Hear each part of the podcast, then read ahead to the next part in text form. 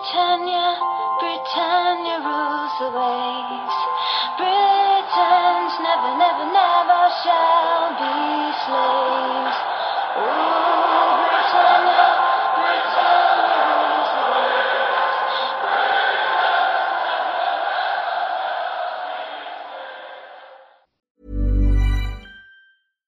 Sandra, and I'm just the professional your small business was looking for. But you didn't hire me because you didn't use LinkedIn jobs. LinkedIn has professionals you can't find anywhere else, including those who aren't actively looking for a new job but might be open to the perfect role, like me. In a given month, over 70% of LinkedIn users don't visit other leading job sites. So if you're not looking on LinkedIn, you'll miss out on great candidates like Sandra. Start hiring professionals like a professional. Post your free job on linkedin.com/people today.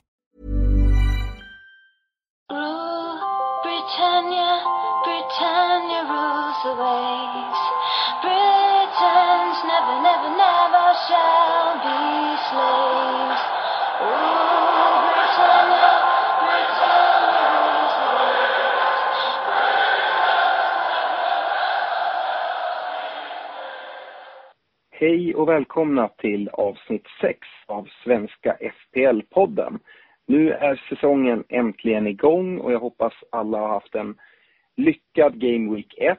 Nu är vi inne i säsong och kommer då alltså ha ett mer standardiserat program där vi kommer gå igenom lite återkommande punkter och jag tänkte kort dra agendan men eh, först skulle jag vilja hälsa Stefan Knutsson välkommen. Hallå och tack så mycket. Hur, eh, hur var din första Game Week? Bara någon första reflektion innan vi sätter igång avsnittet. Jo, men det gick helt okej. Eh, Jag fick ihop 99 poäng, så jag är mer än nöjd. Mm, nästan upp på den magiska gränsen där på ett tresiffrig poäng alltså. Jag, eh, jag presterar inte riktigt lika bra men är fortfarande nöjd. Jag är nöjd med mitt lag och känns som att man är igång. Det är skönt att det äntligen har startat. Och eh, innan vi hoppar in i allting och drar agendan för denna veckas program så tänkte jag att jag skulle nämna att ni som ännu inte har gått med i vår liga, det är inte för sent. Det går fortfarande att gå med i ligan. Vi kommer stänga den här. Dock inte bestämt när det kommer stängas. Men några game weeks in här håller vi den fortfarande öppen. Ligakoden hittar ni på vår Facebook-sida som heter Svenska FPL-podden. Annars är den ligakoden 300 826 63011. Och eh, kom ihåg då det pris som vi utannonserade i förra veckan med att vinnaren av ligan i slutet utav säsongen då får en valfri matchtröja från sitt favorit Premier League-lag. Och eh, vill ni komma i kontakt med oss så skriv på vår Facebook-sida eller mejla oss på svenskafpl.gmail.com. Nu går vi fram till inför Game Week 2 och eh, jag vill säga nu för lyssnarna att vi spelar alltså in kvällen tisdagen den 14 augusti. Så vi har inte hört några presskonferenser och så här kommer det vara de här programmen. Att vi kommer sikta på att spela in runt tisdag och avsnitten släpps antingen tisdag kväll eller onsdag under dagen. Och eh, detta gör vi för att avsnittet ska komma ut och att man ska hinna lyssna på dem innan, innan det blir deadline. Och veckans deadline är då på lördag klockan 12.30. Så ingen fredagsmatch som det var förra veckan som startade igång säsongen. Och eh, jag sitter ute på en ö i Finland och hoppas att ljudet ska vara med oss, vår sommarstuga här. Och uh, har haft en liten speciell vecka där jag har varit toastmaster på ett bröllop. En av mina bästa kompisar gifte sig och uh, såg egentligen ingen match från lördagen. Men jag har läst på lite grann. Jag vet att du, Stefan, har lite, lite mer koll. Och du får alltså dra lite mer då från lördagens matcher. Men agendan för dagens avsnitt kommer vara som så. Först kommer vi gå igenom omgången som gått. Därefter så kollar vi på olika punkter vi har tagit fram noterbart från veckan. Vi kommer djupdyka lite in i vår liga, kolla hur den ser ut, hur det har gått för vårt, vårt egna poddlag och eh, vidare på nu kommande Game Week 2, hur ser veckans omgång ut? Vi kommer ha lite rekommendationer och varningar. på olika spelare. Sen så tänkte vi återuppliva TV4-sportens gamla bejublade koncept med kanon och kalkon. Och det kommer du hålla i, Stefan. Och avslutningsvis hoppas vi hinna med en del lyssnarfrågor. Det har regnat in lyssnarfrågor och vi hoppas hinna med så många som möjligt. Så det är väl bara att vi kör igång på en gång. Och eh, första punkten är omgången då vi ska säga lite kort om, om matcherna. Och jag tänkte börja där med fredagsmatchen som jag såg innan bröllopet drog igång på lördagen. Och det var ju Manchester United mot Leicester där United vann med 2-1. Och eh, det är väl lite som vi har sagt innan säsong att som du har sett på för, för, försäsongen, United ser ganska lika ut som förra säsongen. Det är inte virvlande offensivt spel, men de ser täta ut bakåt. Nu fick ju United en tidig straff i första minuten till och med som, som Pogba förvaltade. Och det gjorde ju matchen bra mycket enklare för United. Sen så fick de även ett 2-0 mål som eh, Luke Shaw eh, fick in och eh, sen mot matchens sista minut så lyckades Vardy få in eh, mål och spräcka nollan för United som jag tror att många fantasy-spelare grämer sig lite över för att de tappar en nolla på de Gea eller någon i, någon i backlinjen. Men eh, att ta med sig från den matchen är väl egentligen att United ser inte ut eh, som att de kommer ha ett revolutionerande anfallsspel och vräka in mål match efter match. Utan man kanske snarare ska kolla mot deras försvar, precis som vi misstänkte. Och sen så går vi vidare till lördagens matcher och där tänker jag att du kan få säga några ord, Stefan. Första matchen var ju Newcastle Spurs som blev 1-2 då. Ja, och det här var väl ingen eh, jublande föreställning. Jag tror Spurs är väldigt nöjda med att få med sig, få med sig tre poäng härifrån. Eh, de kom ju till start med en rätt stark startuppställning. Eh, men själva matchen i sig bjöds på, det bjöds på tre stycken nickmål. Eh, varav Spurs första mål var knappt över linjen. Eh, men ingen sprudlande match som sagt. Eh, Spurs tar dock med sig eh, tre poäng härifrån. Eh, noterbart är väl att Kane såg rätt rostig ut. Mm. Ja, Kane, Kane då från start, men eh, såg väl inte lika hungrig ut som man brukar göra. Kanske vanliga augusti Kane är att vänta.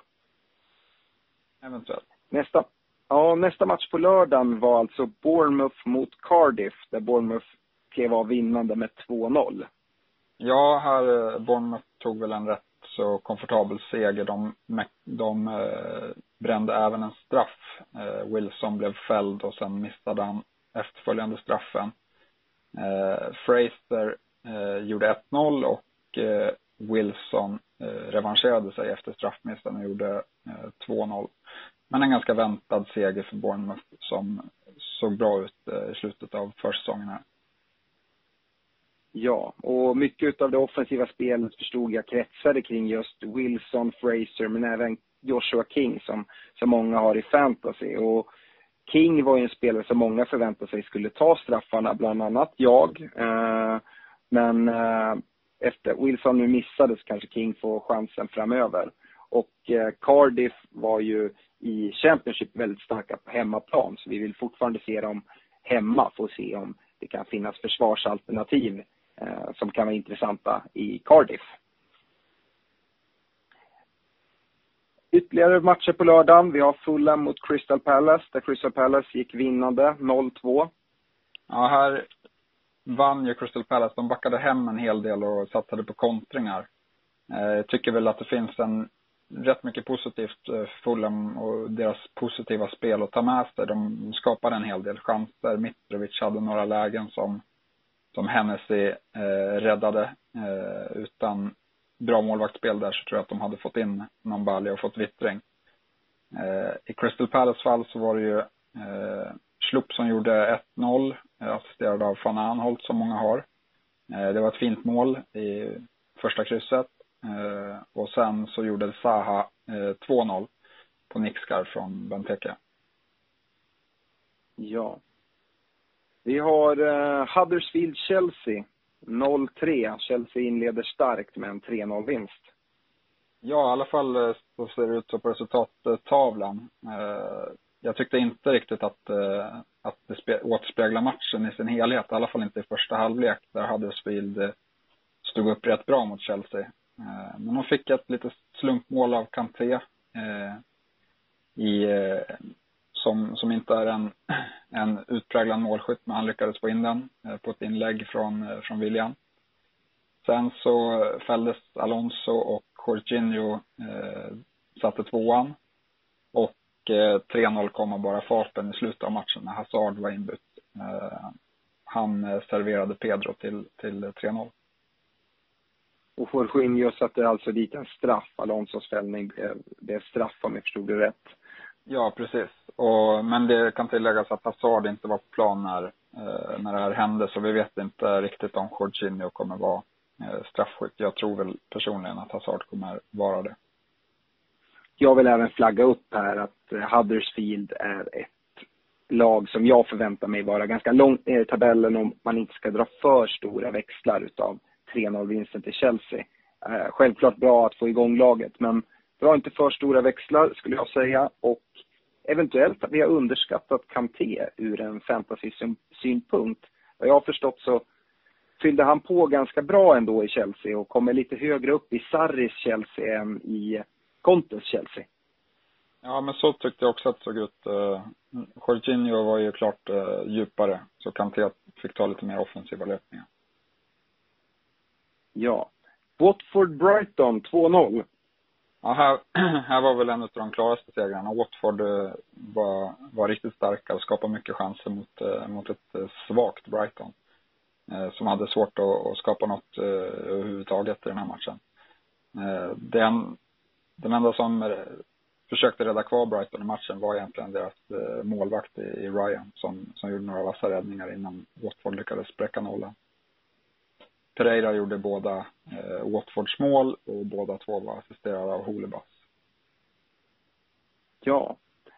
Sen sena matchen på lördagen var alltså med, mellan nykomlingen Wolverhampton och Everton som slutade oavgjort 2-2. Ja, och här tyckte jag väl att Everton började klart bäst. Eh, men sen åkte de på ett direkt rött kort när Jagielka gick in hårt mot eh, Jota efter att ha tappat, Eh, eller gjort en dålig första touch och Jota kom och snodde bollen. Eh, jag tyckte det var rätt eh, av domaren att visa rött kort. Han går in med dobbarna och träffar rakt över fotleden. Till råga på allt så sätter då Neves efterföljande frispark i krysset. Men härifrån så lyckas inte Wolves ta tag i matchen trots att de har en man mer, utan det är Everton som gör 2-1.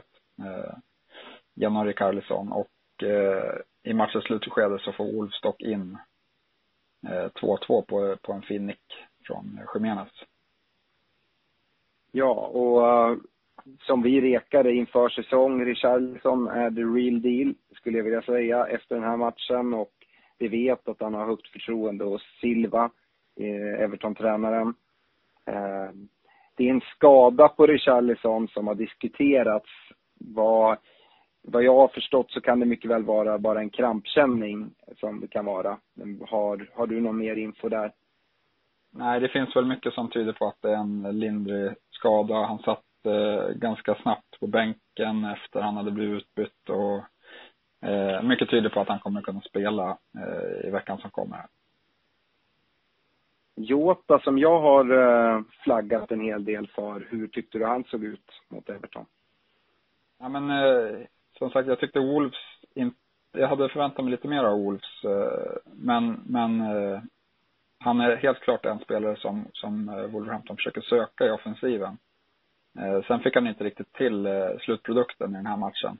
Han fick en assist på grund av att han blev fälld där utav Jagielka och Neves satte frisparken. Men i övrigt så var han inte riktigt nära att plocka någon poäng utan hans, hans skottförsök var ofta utanför och så. Men, men eh, jag tror man ska ge några matcher i alla fall. Mm. Om man har Ja, och det var alltså lördagens matcher som jag, som jag missade.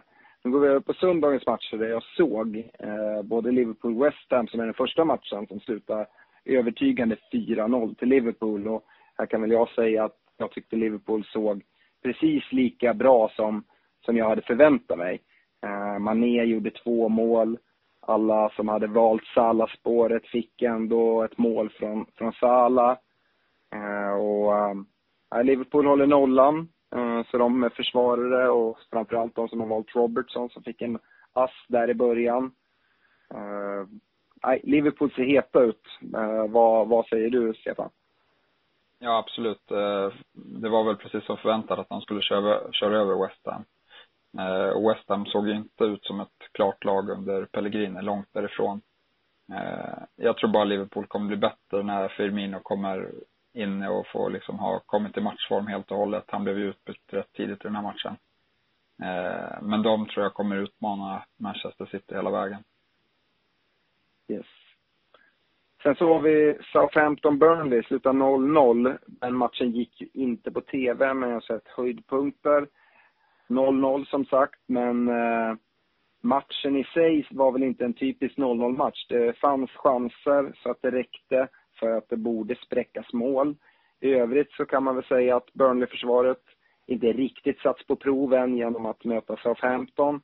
Eh, men de får en nolla här. Ben Mee som, som vi hade rekat lite innan som en bra bonusspelare plockar två bonus.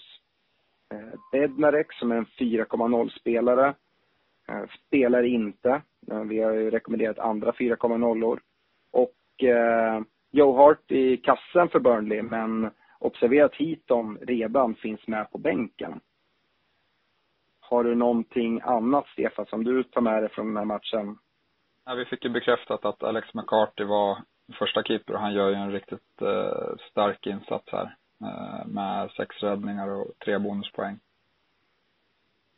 Yes, och uh, det man också kan säga om Ben Mee som vi har rekat, det kunde även mycket väl ha blivit ett självmål för honom där. Ja, det var inte helt långt borta att hans eh, vecka hade slutat lite annorlunda. Men eh, han hade bra eh, hjälp på linjen av en lagkamrat som räddade upp situationen. Ja. Och sen eh, matchen som avslutar Game Week 1. Arsenal mot City. 0-2 till City. Och eh, om Liverpool övertygar så tycker jag att City gör detsamma.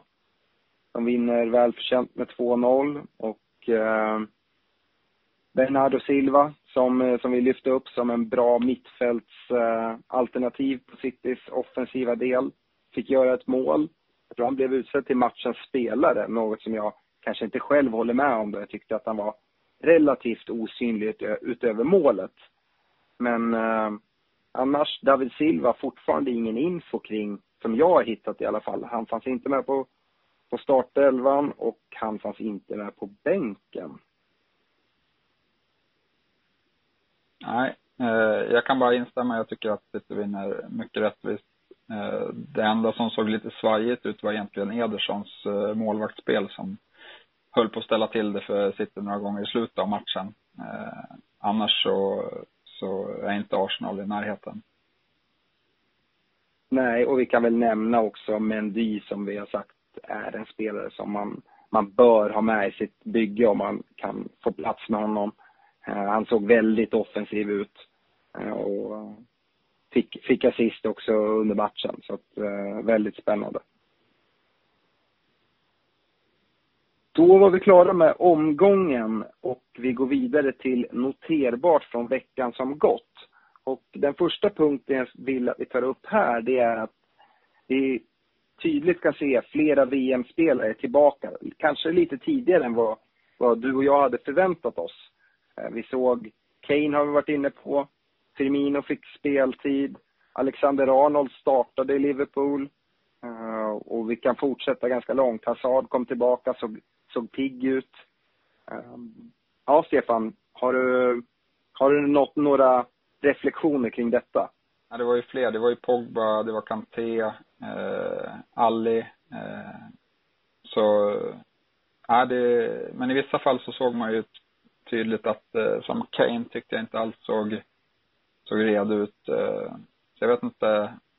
Jag tror att det finns en, en ökad skaderisk och liksom utbrändhet mot slutet av säsongen om, om man eh, kör igång dem allt för tidigt. Eh, mm. det, kan, det kan nog ta några veckor innan, innan, eh, innan de hittar formtopparna. Men, men som sagt, det gör det lite intressant här för att vi hade väl räknat med att många fler skulle vara bänkade i första omgången. Ja, absolut. Så, så där får man hålla koll. Är det någon specifik VM-spelare du skulle vilja, vilja lyfta och säga att här ser det intressant ut och här bör man vara beredd att vara tidig på tåget? Ja, Hazard tyckte jag såg intressant ut. Eh, han gick ju förbi fyra man eh, och sen slog han tunnel på sista backen fram till friläge till Pedro. Eh, han ser ut att trivas och få spela lite mer offensivt igen. Så mm. tror, jag tror han kan gå mot en, en riktigt stark säsong. Mm. Och jag vill även nämna Alexander Arnold och där kanske man får kolla lite och se hur det kommer se ut med matcherna framåt om han blir roterad eller om han har gjort platsen till sin. I så fall så är det ett väldigt bra alternativ till van Dijk eller Robertson. Nu inledde Robertson jättebra, men här har vi en back för, för en miljon billigare där man kan investera på annat håll. Alexander Arnold höll ju, mm. höll ju dessutom på att sätta en frispark. Eh, det var en riktigt bra slagen frispark som, eh, som Fabianski räddade upp i krysset. Eh, den var ju lite långt ut, så att, som gjorde det lättare för Fabianski att ta den. Men hade den varit några närmare, hade frisparken varit några när, meter närmare mål så hade han fått problem med, med en liknande frispark. Ja. Är det någon annan spelare än den självklara Kane som vi redan varit inne på utav VM-spelarna som tycker såg lite trög ut och som man kanske ska avvakta lite längre med? Nej, men det kan ju bli så att de, får, att de blir utbytta eh, lite tidigare, i, i, som vi såg med Firmino till exempel.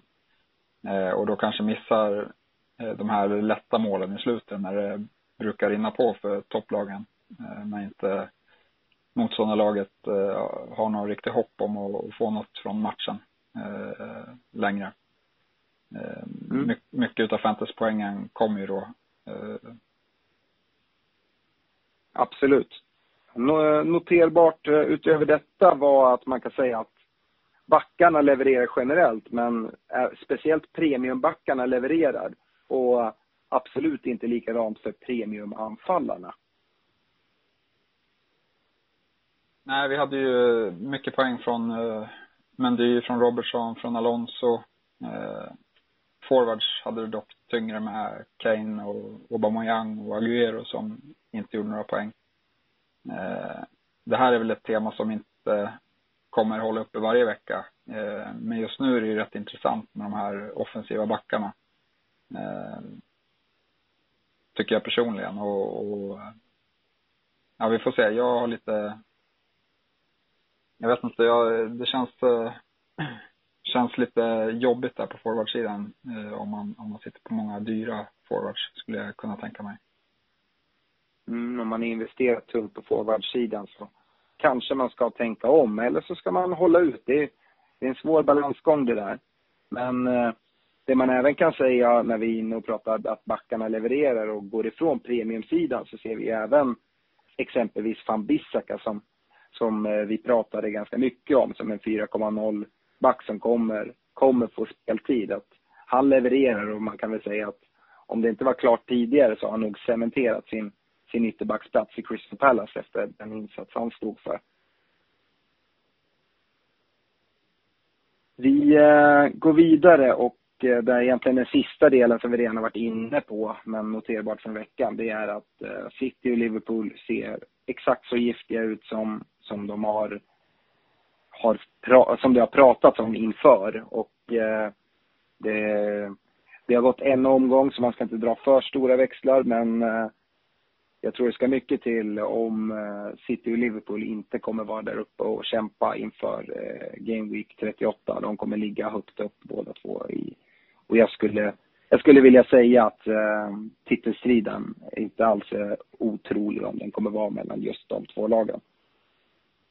Nej, jag instämmer helt. Jag tycker Liverpools offensiv vet vi att den är riktigt bra sen, sen förra året.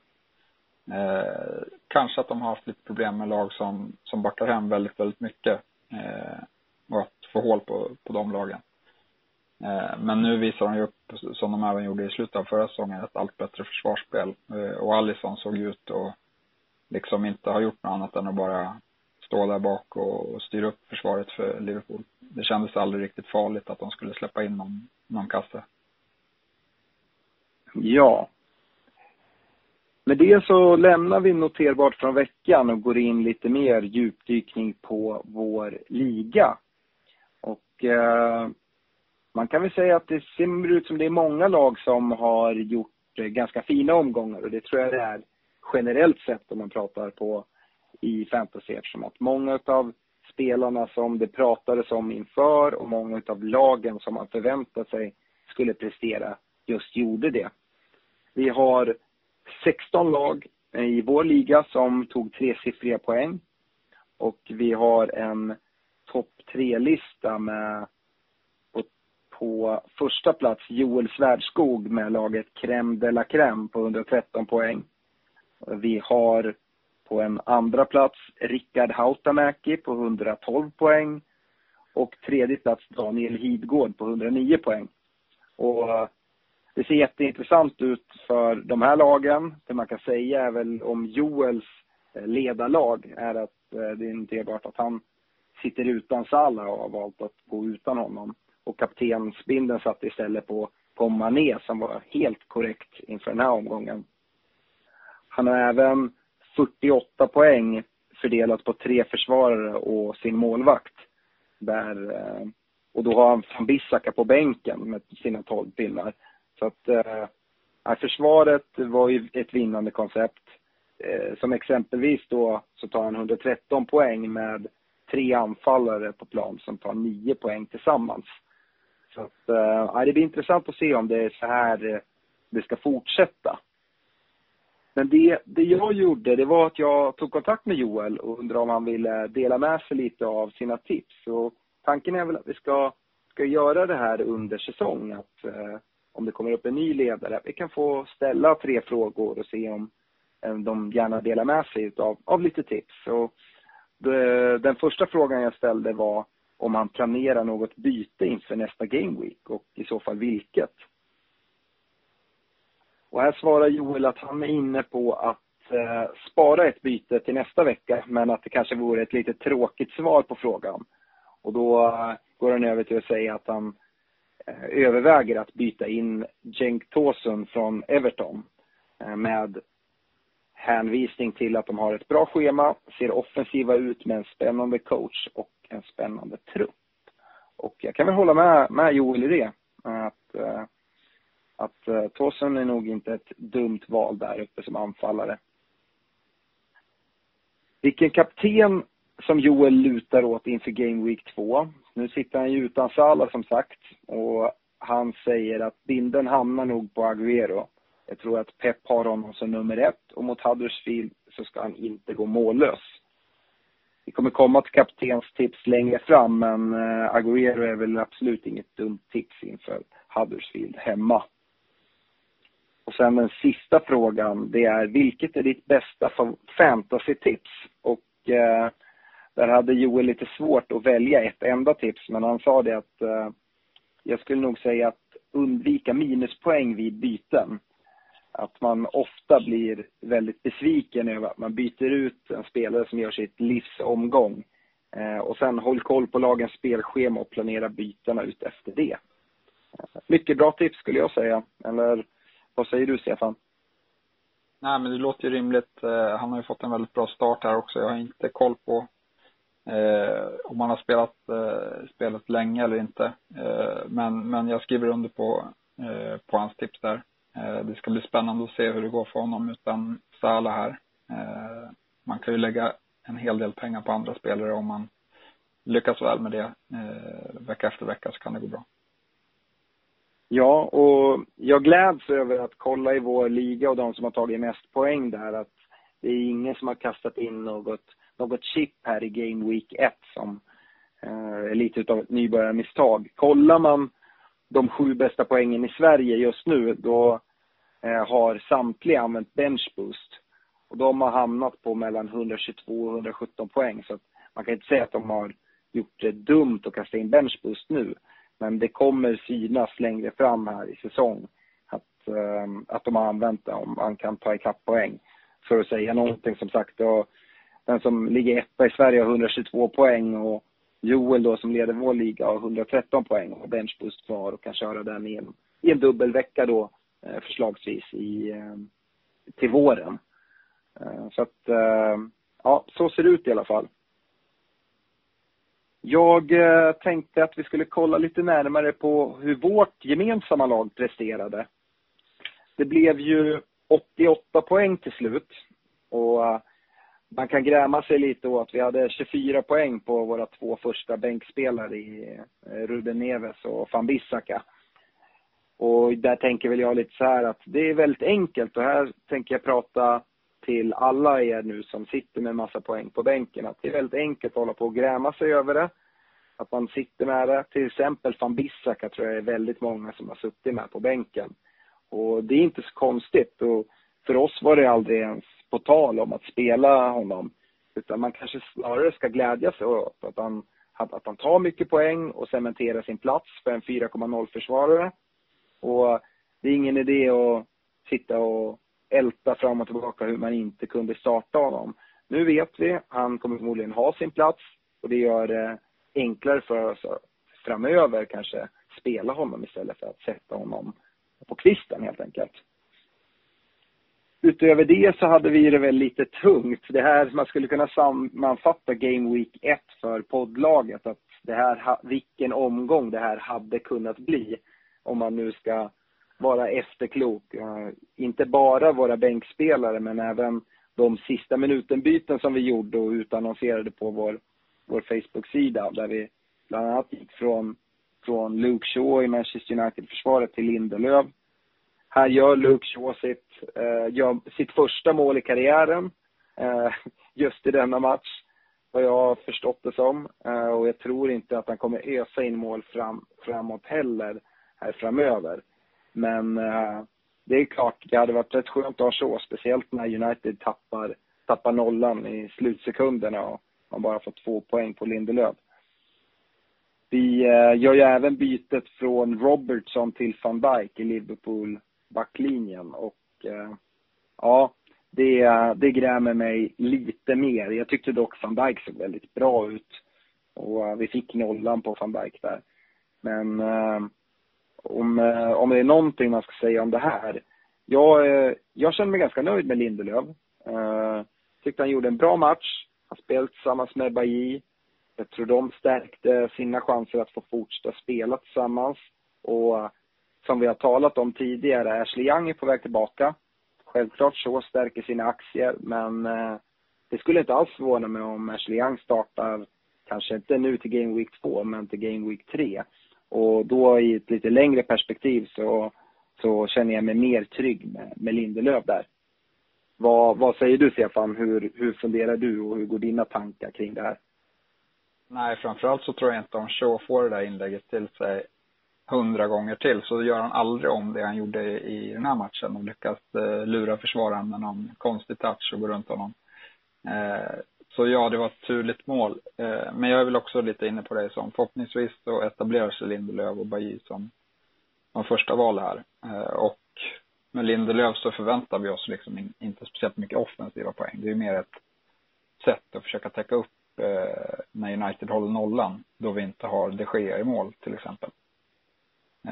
Sen instämmer jag med dig att van Dijk såg riktigt bra ut och det är ju mer ett säsongs val utav oss där vi tror att han kommer spela fler matcher än, än Robertson. Helt klart och Robertson är ju ett offensivt hot, det vet vi. Och, um, jag, kommer det bli Liverpool-matcher där vi inte ser fyra mål framåt så tror jag att van Dijk även kommer ligga väldigt bra till i bonussystemen. Annars, eh, vårt lag. Vi kollar lite på det här nu inför. Eftersom att vi spelar in på tisdagen redan så har vi inte all uppdaterad information om eventuella spelare som missar. Men som det ser ut just nu planerar vi i alla fall inget byte om det inte kommer fram något mer om exempelvis Richarlisons tilltänkta skada eller kramp eller vad det var. Eh, eller om det är något annat som kommer fram.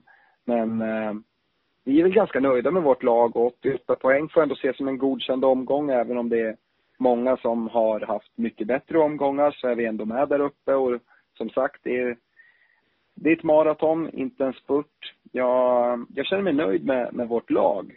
Och uh, därför sparar jag gärna ett byte med, med tanke på att det är alltid skönt att kunna ha två, två byten över. Det gör att man kanske inte blir tvungen att ta det tidiga wildcardet som det har diskuterats lite, lite grann kring. Och det här var ju även vår ledare Joel inne på när eh, vi ställde frågan till han vilket, vilket byte, att han övervägde att eh, spara det.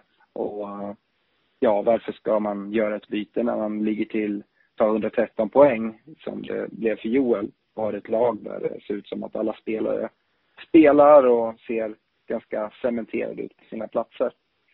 Eller hur, vad säger du Stefan, hur tänker du kopplat till att göra byten kontra ta, ta minuspoäng eller till och med, eller göra ett byte för, för att, att få in någon, någon spelare som gjorde succé i första omgången?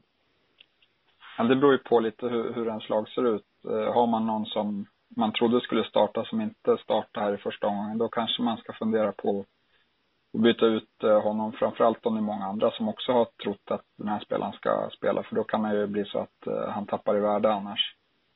Eh, men, men om vi kollar på vårt poddlag här då, så, så som vi var inne på så var det, utav de som startade så, så lyckades ju inte Patricio eh, ta någon poäng och Lindelöf tappade ju precis i slutet som vi sa. Eh, I övrigt så tog ju alla poäng förutom Aguero och Mitrovic. Och eh, Aguero har vi inget, han kommer vi behålla, han har fin match nästa omgång. Och Mitrovic tyckte vi såg lovande ut. Han hade många, många lägen. Eh, något avslut som kanske hade gått in på en sämre målvakt. Eh, och på bänken så, så ser det också bra ut. Peltier har vi ju mest med för att han är billig och för att han har kanske lite poten mer potential på hemmaplan i Wales. Så, mm så det ser väldigt bra ut, eh, tycker jag, i vårt lag och därav kommer vi nog spara vårt byte. Så rekommendationen är väl egentligen att om, om man sitter med ett, med ett lag där samtliga spelare spelar, även dina bänkspelare och det inte ser ut att vara några som missar några matcher eller så. Att eh, det kan vara, det kan vara väldigt nyttigt att ha de här två gratisbytena till, till senare. Och det kan, man, det kan man ju ha sen vidare ganska lång tid. Nästa vecka så kanske man väljer att göra ett byte. Ja, men då har du två, veck, två gratisbyten veckan därefter. Så att, eh, det eh, ja, jag skulle säga generellt sett självklart som du är inne på, om man spelare som inte spelar, man trodde på Bednarek till exempel i försvaret och man ser att han sitter bänk, ja men då kanske man behöver göra någonting. Men om, om det går bra, eh, hoppa inte på något, några snabba tåg eh, och få inte panik, även om ni tycker att, ja men, jag hade ingen bra omgång, börja göra byten till höger och vänster. Det har bara gått en omgång, lite is i magen brukar vara värt att rekommendera. Vi eh, går vidare och kollar på Game Week 2 och då kommande veckans omgång. Och som sagt så är det ingen fredagsmatch utan det är match på lördag. Det är tidig match på lördag så att deadlinen på lördag svensk tid är 12.30. Så är det avspark 13.30 mellan Cardiff och Newcastle. Då får vi se Cardiff på hemmaplan och, och se om de kan fortsätta sin starka hemmafacit från, från Championship även upp i Premier League. Övriga lördagsmatcher är Everton, Southampton, Leicester, Wolverhampton, Spurs mot Fulham, West Ham, Bournemouth och Chelsea, Arsenal. Är det nå, nå, någon match här på lördagen, Stefan, som, som du tycker sticker ut där det finns något, uh, något lag som har väldigt goda chanser till att leverera bra fantasypoäng eller något lag som man kanske till och med ska akta sig för? Jag tror att Everton kommer ta en, en eh, komfortabel seger hemma, hemma mot eh, Southampton. Eh, och sen så varnar jag lite för att Fulham kanske kan ställa till det i, i mot eh, Spurs. Mm. Eh. Ja, det, det, låter, eh, det låter som kloka saker som jag kan ställa mig bakom även fast det såklart är gissningar från vår sida. Sen så har vi tre matcher på söndagen och det är Burnley mot Watford, Manchester City mot Huddersfield och Brighton mot Manchester United. Och eh, om Huddersfield hade det tufft mot Chelsea och fick en 3-0 i arslet där så lär det inte bli enklare att åka till Etihad och möta Manchester City. Eh, och det är väl en, en match man kollar lite extra mot i fantasy eh, synpunkt. Jag tycker också att det ska bli intressant att se, se Burnley på hemmaplan mot Watford som såg fina ut i, i första matchen. Eller vad säger du, Stefan? Ja, där kommer de eh, få ställa lite mer prov, tror jag, defensiv, defensiven. Men samtidigt är de väldigt hemmastarka, så det ska bli, det ska bli intressant. Mm. Och sen avslutar vi allting med en måndagsmatch och det är Crystal Palace-Liverpool. Och där är en sån där match som kommer på måndagen och kan göra antingen att man räddar upp sin omgång, då jag tror många sitter med Liverpool-spelare och det är säkert många sitter med Palace-spelare också, kanske dock på bänken i den här matchen. Um, men uh, ja, det är veckans omgång. Vill du säga något om Crystal Palace-Liverpool eller? Ja, men Crystal Palace är ju bekväma och står rätt lågt med sitt försvarsspel. Så det ska bli intressant att se hur, hur Liverpool eh, löser en, så, en sån nöt. Ja. Och med det går vi över till veckans rekommendationer. Det här kommer vara någonting som är återkommande där vi rekommenderar spelare på olika positioner. Och här kommer vi inte, i alla fall inte varje omgång, diskutera en rekommendation på målvaktssidan då vi tycker att man bör kanske inte spendera så mycket byten på målvaktssidan så länge man har målvakter som spelar. Eh, utan det kommer ta fram varsin back, varsin mittfältare, varsin forward. Vi kommer varna för en spelare. Vi kommer ta fram ett kaptensval eh, som, som vi vill lyfta. Och sen kommer vi ta en rekommendation för en differential, alltså en spelare som inte ägs av så många, men som vi tror mycket på. Och där vi har sagt är för att få kalla sig för differential ska man ha en ägarandel under 5 procent. Och eh, värt att säga här är att jag och Stefan har inte diskuterat de här spelarna emellan oss någonting. Så det kan mycket väl vara så att vi har samma spelare eh, valda. Alternativt att Stefan eh, väljer en spelare som jag inte alls håller med om och då vi då får ha en diskussion om. Eh, men eh, jag kan väl börja med min backrekommendation.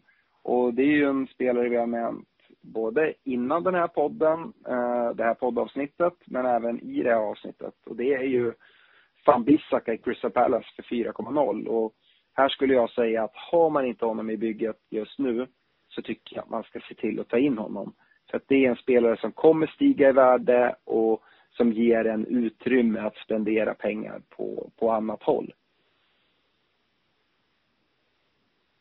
Yes, och Eh, min backrekommendation är eh, Mendy i City. Eh, jag tycker han är ju extremt intressant och har man inte honom så borde man definitivt fundera på att ta in honom. 15 poäng här i första omgången kommer han inte ta varje omgång. Men det kan nog bli en hel del assist på honom. Han verkar riktigt spelsugen och Citys matcher är ju, kan ju inte bli bättre än vad de är nu kommande omgången här. Nej, och eh, Mendy såg ju mer eller mindre ut som en ytterforward här i, i mm, matchen mot Arsenal.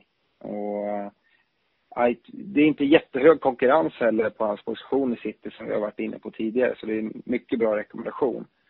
Och eh, värt att tillägga om van Bissaka, nu möter ju de Liverpool här i, eh, i nästa omgång och jag tror väl kanske inte att van Bissaka kommer ta jättemånga poäng från den matchen. Men eh, det är en spelare som kommer stiga i värde som jag tror man ska ta in ganska snabbt om man vill vara med på det tåget. Vi går vidare på mittfältet och där tänker jag att du kan få börja med, med din rekommendation, Stefan. Jag har valt eh, Mané eh, från Liverpool. Han gjorde två mål i första omgången. Ett skulle dock blivit avvinkat för offside. Det var rätt klar offside på en meter. Eh, men han ser, han ser riktigt eh, bra ut och han kan dessutom vara straffskytt för Liverpool. Det vet vi inte riktigt än hur det är i tävlingssammanhang. Men han har tagit två och satt båda på försäsongen. Eh, så honom tycker jag att man borde ha i laget. Ja, Mané lyckades jag övertyga dig om att man ska ha och det tror jag du var väldigt glad för. Jag har valt en annan rekommendation men jag håller ju med om din kring Mané. Men jag har Pereira i Watford som gjorde båda målen som sagt. En spelare som precis som van Bissaka är en liten budgetspelare, kostar 6,0. Dessutom går jag in även under differentialvalet, eh, om man ska säga det, även fast jag har valt en annan spelare på differential-sidan. Ehm, när jag kollade här efter veckans omgång så ägs han av 2,8 procent. Och det är en spelare som kommer bytas in och kommer få högre ägarandel. Watfords spelschema ser fint ut. Pereira är väldigt frejdig offensivt och eh, kommer göra mer poäng både i form av mål och assist. Har du något att säga om Pereira? Ja, det, han är absolut spännande. Han har, han har en väldigt eh, lång skadehistorik, men, men eh, som sagt, just nu ser han ut att vara i bra form och eh, hel. Eh, och det kan ju pågå, pågå ett tag, så man, man ska nog inte fundera allt för mycket, eller allt för länge på om man, om man är sugen på att ta in honom. Eh, han får ju spela nu på en, sin lite favoritposition när de har sålt eh, Rikarlison också. Eh, ute till vänster på, på mittfältet. Ja.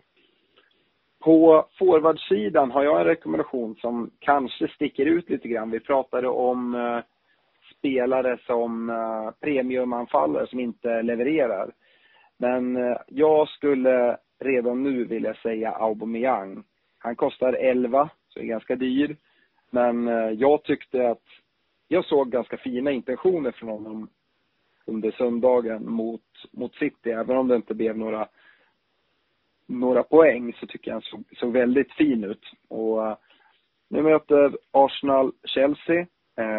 Chelsea som jag tror kommer överskattas utav eh, många fantasy managers. Jag tror att Aubameyang har väldigt goda chanser att, att kunna smälla dit någon boll där. Och därefter så ser Arsenals schema ut att lätta upp och eh, matcher som typiskt Arsenal brukar kunna springa iväg och göra en hel del, del mål på.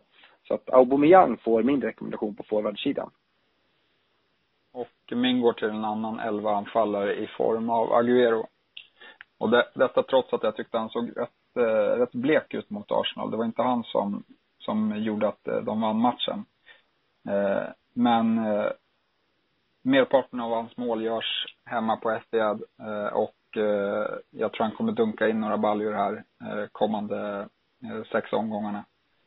Eh, så han tror jag faktiskt starkt på, även fast han inte levererade den bästa eh, första veckan. Mm, bra rekommendation där skulle jag säga. Varningsflaggan, den kan ju hissas av olika anledningar.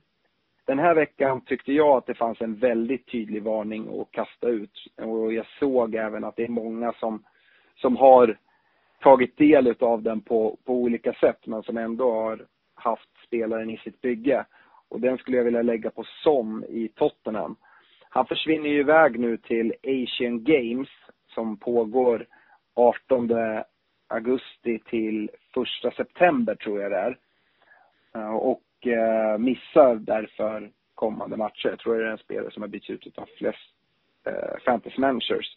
Så att har man han i bygget, bort med honom. Han kan under säsong absolut vara en spelare man ska in i sitt lag. Men här i starten, håll er därifrån för han kommer inte spela några matcher här de kommande omgångarna. Ja, och min varningsflagga går till en spelare som, om man bara enbart kollar på eh, vilken match han står inför så, så skulle han kunna vara ett kaptensalternativ. Eh, men jag säger att Harry Kane är i alldeles för dålig form just nu för att och, eh, eh, gå i de tankarna, även fast han har Fulham hemma. Eh, så jag vill flagga lite för att Kane såg väldigt rostig ut eh, och passa er om ni har honom. Eh, jag skulle inte sätta kaptensbinden där. Eh. Det, är en, det är en varning jag ställer mig bakom, men sen så, här, så här är det alltid. Man kommer med gissningar, det kan lika gärna komma ett hattrick därifrån, men i så fall så såg varken du eller jag det komma. För att som sagt, han såg, såg rostig ut, han har sin augustisjuka då han inte gör mål i augusti. Så att jag skulle inte ha honom i bygget alls, men om jag hade honom i laget skulle jag inte sätta bindaren där. Nej, det känns som en, en uh, besvikelse kan komma där i form av en tvåpoängare. Men han är straffskytt så, så mycket kan förändras bara på grund av att uh, någon annan spelare fixar en straff. Ja. Och där man däremot ska sätta binden, eller tips från vår sida, om man ska välja ut en spelare. Vem väljer du då, Stefan? Ja, jag tycker, eh, jag kommer vurma för att, att eh, ha Salah. Eh, jag tycker, visst gjorde man ner två mål. Salah gjorde också mål. Vi vet inte riktigt straffsituationen där. Jag ser fortfarande Salah som en, en bättre spelare. Och tycker inte att han var dålig på något sätt här i första matchen utan de ser bra ut Liverpool. Jag eh, kommer ändå eh, lita på honom här kommande matcher. Mm. Och uh, vi har pratat om det, vi pratade om det i förra programmet, men eh, min historik kring kaptener har ju inte varit perfekta på något sätt. Och här kommer komma ett kaptensval som jag själv tvivlar lite på, men som jag ändå känner kan vara ett spännande val. Och det kanske kan vara en då differential kapten. Men jag har sagt Mendy i Manchester City nu när de möter Huddersfield hemma. Och eh, jag brukar vara extremt försiktig och välja försvarare. Jag brukar egentligen aldrig göra det. Men eh, jag tror att City kommer dundra in en hel del mål framåt. Att Chelsea gjorde tre, jag tror inte City är färre, om jag säger så. Och eh, gör City tre mål eller fler, då tror jag men vi kommer ha minst en ass. Jag kan inte se City släppa in mål heller. Ehm, det naturliga valet i City då kanske hade varit att sätta binden på Agüero. Men eh, med hans insats nu i första matchen så är jag inte helt övertygad om att han kommer starta. Och risken med att sätta binden där, det gör att jag väljer att avstå. Och det är om man väljer Mendy eller om man väljer någon annan. Ja, det kan vara jättebra att sätta den på Aguero. för som du nämner, han är extremt hemmastark på Etihad. Han, han har absolut ett hattrick i sig mot Huddersfield om han får starta. Det kan bara smälla till. Men det kan även vara så att han får börja på bänk och det är väl inga problem för då blir det en vicekapten kapten så länge han inte blir inbytt. För kommer han in med en 5-10 minuter kvar för att jag tror oavsett om Jesus eller Agüero startas tror jag att den andra kommer komma in. Och eh, då sitter man där. Jag har gjort det förut. Eh, så därför, mm, därför skulle jag inte välja det. Och då vill jag ändå ha den på City och då känner jag Mendy. Det är en lång utläggning här men tycker du att det, det, det hänger ihop det jag säger Stefan? Eller tycker du jag är helt galen som rekommenderar en försvarare? Nej men man kan ju flagga för att Aguero har en risk att, bli roterad, eh, absolut. Eh, och då då med den mittfältssituationen som finns i City så, så är det nästan Bernardo Silva och eh, Mendy kvar. Eh, sen tror jag i och för sig att Sterling och De Bruyne kommer spela från start här och eh, ja, Sterling gjorde ju redan det förra matchen men, men eh, ja, de har många potentiella eh, poängplockare där och, och en nolla borde det faktiskt bli. Eh, så det är nog inte helt dumt val, men då ska han komma med i poängskörden igen också. Precis. Ja, den sista grejen på veckans rekommendationer är då veckans differential, alltså en ägarandel under 5% Och eh, här skulle jag vilja nämna en spelare som jag vet att du, Stefan, har i ditt personliga lag. Och det är Fraser i Bournemouth. Han eh, kostar 5,5 och ägs endast av 1,7 procent. precis som vi sa i matchgenomgången så såg Bournemouth, jag tror inte alls mycket på dem off, eh, defensivt sett. Men jag tror att de kommer smälla in mål framåt med Diao som tränare och allt offensivt såg ut att kretsa kring just Wilson, Joshua King och då nämnde Fraser. Och där har vi en billig mittfältare som man kan spara in lite pengar och eh, han kommer ändå leverera poäng till till ditt lag skulle jag tro. Ja, jag kunde inte säga det bättre själv. Jag har också valt Fraser. Eh, jag tycker att han har för lågt ägarandel med Bournemouths fina matcher. Jag tror dessutom att eh, Bournemouth har chanser att, att göra mål mot West Ham som såg rätt svaga ut defensivt här i första omgången. Ja, eh, kul att vi hade en lika i alla fall tycker jag. Och, men jag jag håller med dig i alla dina rekommendationer och varningar i övrigt som, som du har med. Så det, det verkar inte vara som att vi är oeniga i någonting än riktigt. Här. Får se när det kommer här under säsong, för det kommer säkerligen dyka upp. Nu som sagt skulle vi återupptäcka TV4 Sportens kanon och kalkon och eh, det har du tagit fram den här veckan, Stefan, så du får gärna presentera det. Yes, men då kör vi kanon första och det har jag satt eh, snygga mål från premiäromgången. Eh, och på tredje plats så tycker jag att eh, Neves eh, mål mot Everton eh, kvalar in. Han eh, sätter upp en frispark, visserligen i målvaktens hörn, eh, men den rikt, sitter riktigt fint i krysset och det ser även ut som när han stegar upp att han har lite koll på vad Pickford håller på med och att eh, han kanske eh, tjuvar lite innan han slår till den.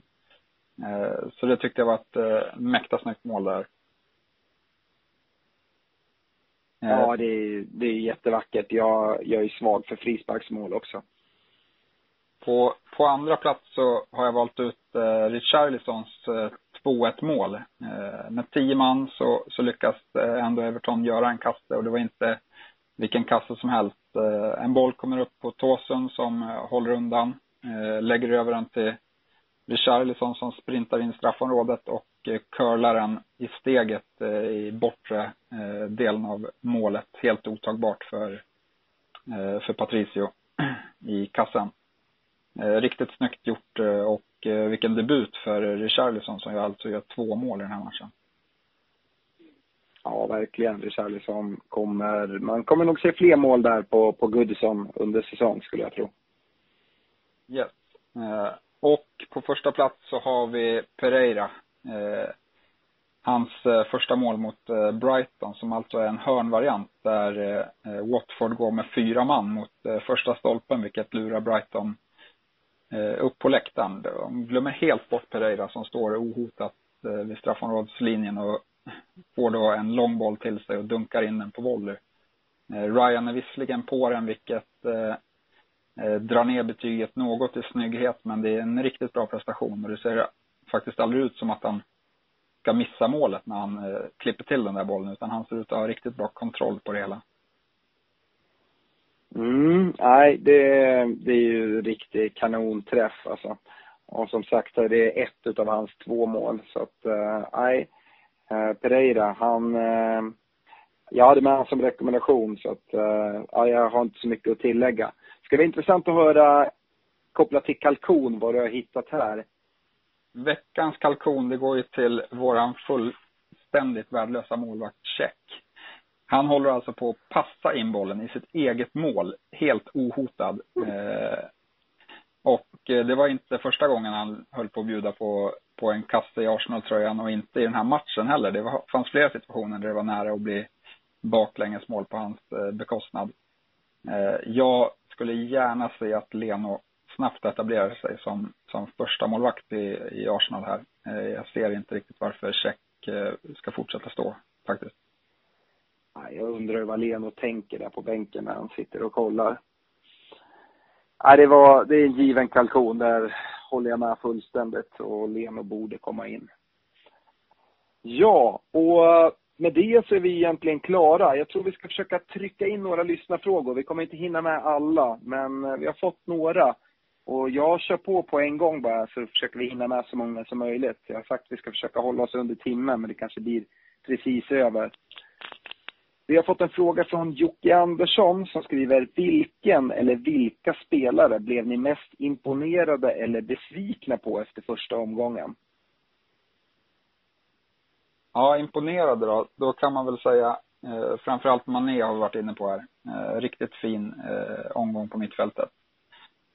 Eh, jag tycker även att Richarlison eh, imponerar. Eh, bortaplan, debut, eh, kan vara svårt, men han fixar det riktigt bra. Eh, och sen har vi varit inne på ett tema premiumbackar. Eh, Mendy, Robertson levererar stort eh, och de, de är riktigt, riktigt offensiva. Ja, och jag skulle vilja säga att de spelare vi inte har varit inne på, vi, men som vi tidigare rekommenderat, till exempel eh, Sako i eh, Crystal Palace-försvaret. Han såg ju jättefin ut på, på bonuspoängen, precis som, som vi anade imponera där. Uh, och uh, det City och Liverpool generellt imponerar ju. Eh, det, det, det, kan, vi, kan vi bara slå fast. Vi har varit inne på, på det mesta. Men är det några spelare du tycker man kan vara lite extra besviken på? Jag är besviken på Aguero. Han såg inte alls ut att vara eh, spelsugen här i första matchen, vilket är konstigt. Men eh, eh han underpresterade lite. Sen har jag varnat för Kane. Tyckte han såg rost ut. Eh. Mm. Ja, och samma, jag skulle säga, nu vann ju, nu vann ju Tottenham med, med uddamålet där, men Tottenham generellt ser väl inte jätteimponerande ut. Nu hade de väl en, i och för sig en rätt tuff bortamatch mot, mot Newcastle, men eh, i spelet så imponerar de inte. Och West Ham är väl också ett sånt lag. Det är svårt att bedöma när de möter ett så formstarkt Liverpool som, som bara öser på. Men att de ska få allting att fungera och sådär så tycker jag att det är ganska, ganska svårt att bedöma. Vi, eh, vi tar nästa fråga. Vi har fått in en fråga från Mats Severin som skriver Kan ni förklara vad det är för info som ligger bakom färgmarkering och procentuella risken för att en spelare startar eller ej i fantasy? Och där tror jag han menar att eh, till exempel Richarlison som är gul nu och det står 75 procents chans att spela nästa omgång. Ja, precis. Eh, jag har inte hittat exakta källan till vart de får sin eh, skala ifrån. Men det är en skala på antingen kan man ha 75 50 eller 25. Eller så är man helt röd. Eh, och då kommer man inte spela. Man kan säga ju rödare eh, markering ju mindre chans att din eh, eh spelare kommer starta. Eh, men men eh, det finns ett antal eh, liksom webbsidor som, som eh, rankar då hur allvarliga de här skadorna kan vara. baserat på den informationen Eh, som finns tillgängliga. Det är inte så att klubbarna går ut och säger till eh, någon exakt vad det rör sig om för skador på de spelarna eh, som tillhör truppen. Utan det är mer, eh, mer av en, lite av en gissningslek eh, och eh, liksom baserat på vad, vad som kan komma ut från presskonferenser och liknande. Ja, och det man kan säga är väl det är inte hundraprocentigt på något sätt och det går att läsa sig till eller till exempel lyssna på poddar eller så för att få, ett, få en bättre förståelse kring eh, om spelaren kommer spela eller inte. Och det absolut bästa är att lyssna på, på presskonferenserna som, som är i, i slutet, eh, in, inför helgen. Och uh, vi ska försöka, eftersom vi spelar in tidigt så tänker jag att vi ska försöka att lägga ut lite sådana här uh, olika information vi får från presskonferenserna på vår Facebook-sida. Så att Följ oss gärna på vår Facebook-sida, gilla Facebook-sidan så ska ni få de senaste uppdateringarna därifrån inför helgen, tänker jag. Som komplement till poddarna som spelas in lite tidigare i veckan. Vi har fått eh, flera stycken som har frågat eh, om eh, City och kanske framförallt Sané. Niklas Fritjof skriver bland annat, har ni några råd angående Sané? Jag var helt övertygad att han skulle starta nu i början av säsongen behålla eller skeppa iväg? Vilka ersättare skulle ni i sådana fall rekommendera? Vad säger du där? Jag skulle skeppa honom just nu. Jag tycker, för det första så har Guardiola sagt att han kommer spela 3-5-2 eh, i vissa matcher. Eh, mm. Och eh, i ett sånt system så ser jag inte att Sané har så eh, stora chanser att ta en, en tröja. Men även när de spelar sitt 4-2-3-1-spel så, så känns både Sterling och Mahrez och till viss del också eh, Bernardo Silva just nu före. Om man då leker med tanken att David Silva kommer tillbaka och tar sin plats på, på innermittfältet. Så, mm. nu, ja. Nej, så jag tycker att han, han eh, kommer få för lite speltid här, tror jag, eh, de kommande veckorna. Alternativ till Sané då, tänker du att man kollar inom city eller ska man kolla eh, på annat håll? Vill man ha en city-mittfältare så skulle jag väl ändå rekommendera Bernardo Silva just nu. Eh, mm.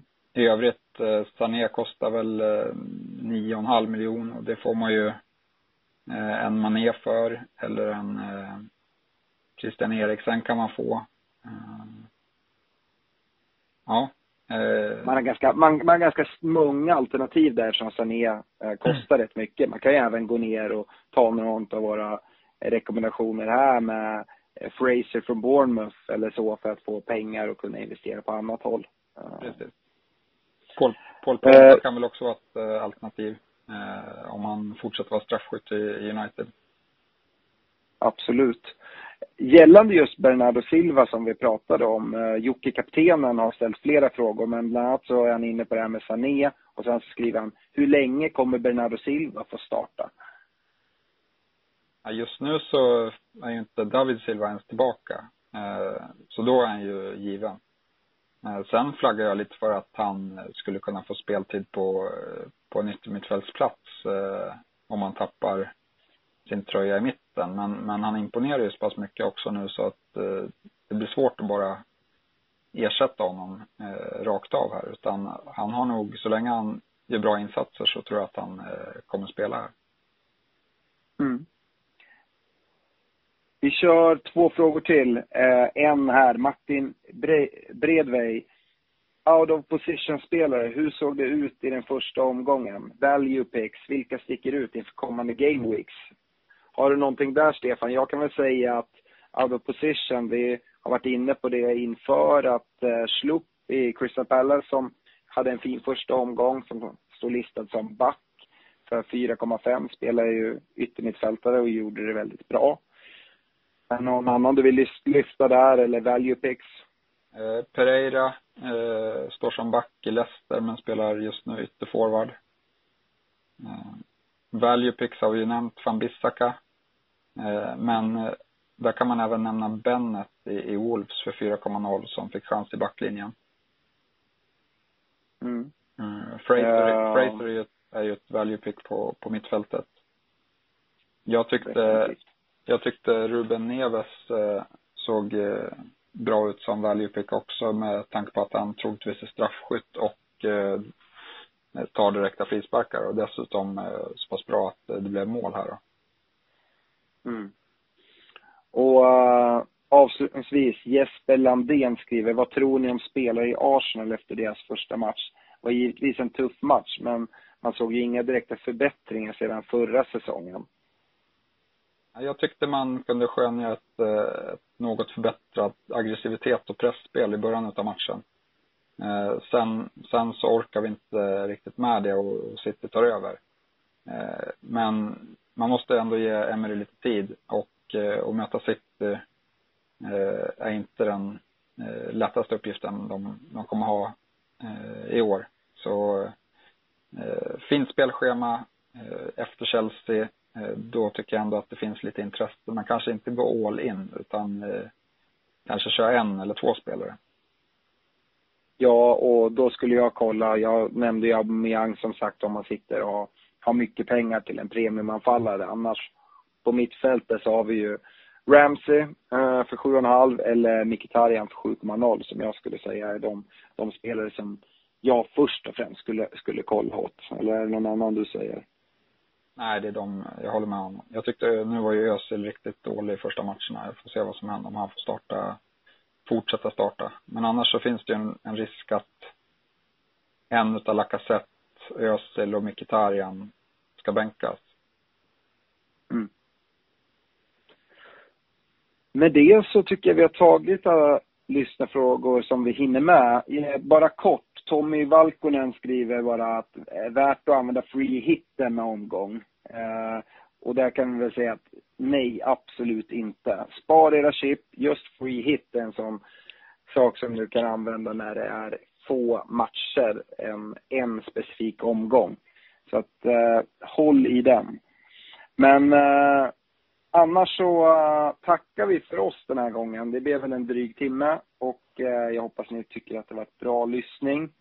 Hjälp oss gärna att sprida ordet om podden så att vi fortsätter öka. Vi är jätteglada för alla lyssningar och vi är jätteglada för alla lyssnarfrågor och sånt vi får. Fortsätt komma in med, med lyssnarfrågor och ska vi försöka ta upp eh, ännu fler nästa vecka. Eh, har du någonting att avsluta med, Stefan? Eh, nej, jävligt skönt att vi äntligen är igång med säsongen. Eh, det är så mycket roligare då. Eh, och eh, bra start både för mig personligen och för poddlaget. Jag ser fram emot eh, nästa vecka här. Absolut, och jag önskar alla lycka till. Och håll utkik på vår Facebook-sida så kommer det komma lite uppdateringar här närmare helgen med, från presskonferenser och sådana saker. Och eh, absolut det viktigaste av allt, missa inte deadline med byten. Så redan nu, gå in på ett lag, ställ in det lag som ni har utifrån ert lag från Game Week 1, vilka som ska sitta på bänken, ordningen på bänken, välj kapten, vice kapten. Och sen mot slutet av veckan, på fredagskvällen kanske, när informationen från presskonferensen har kommit fram, så gör ett eventuellt byte eller spara ditt byte och ha två till nästa omgång. Och med det så säger vi hej då. Ha en trevlig vecka. Tack för det.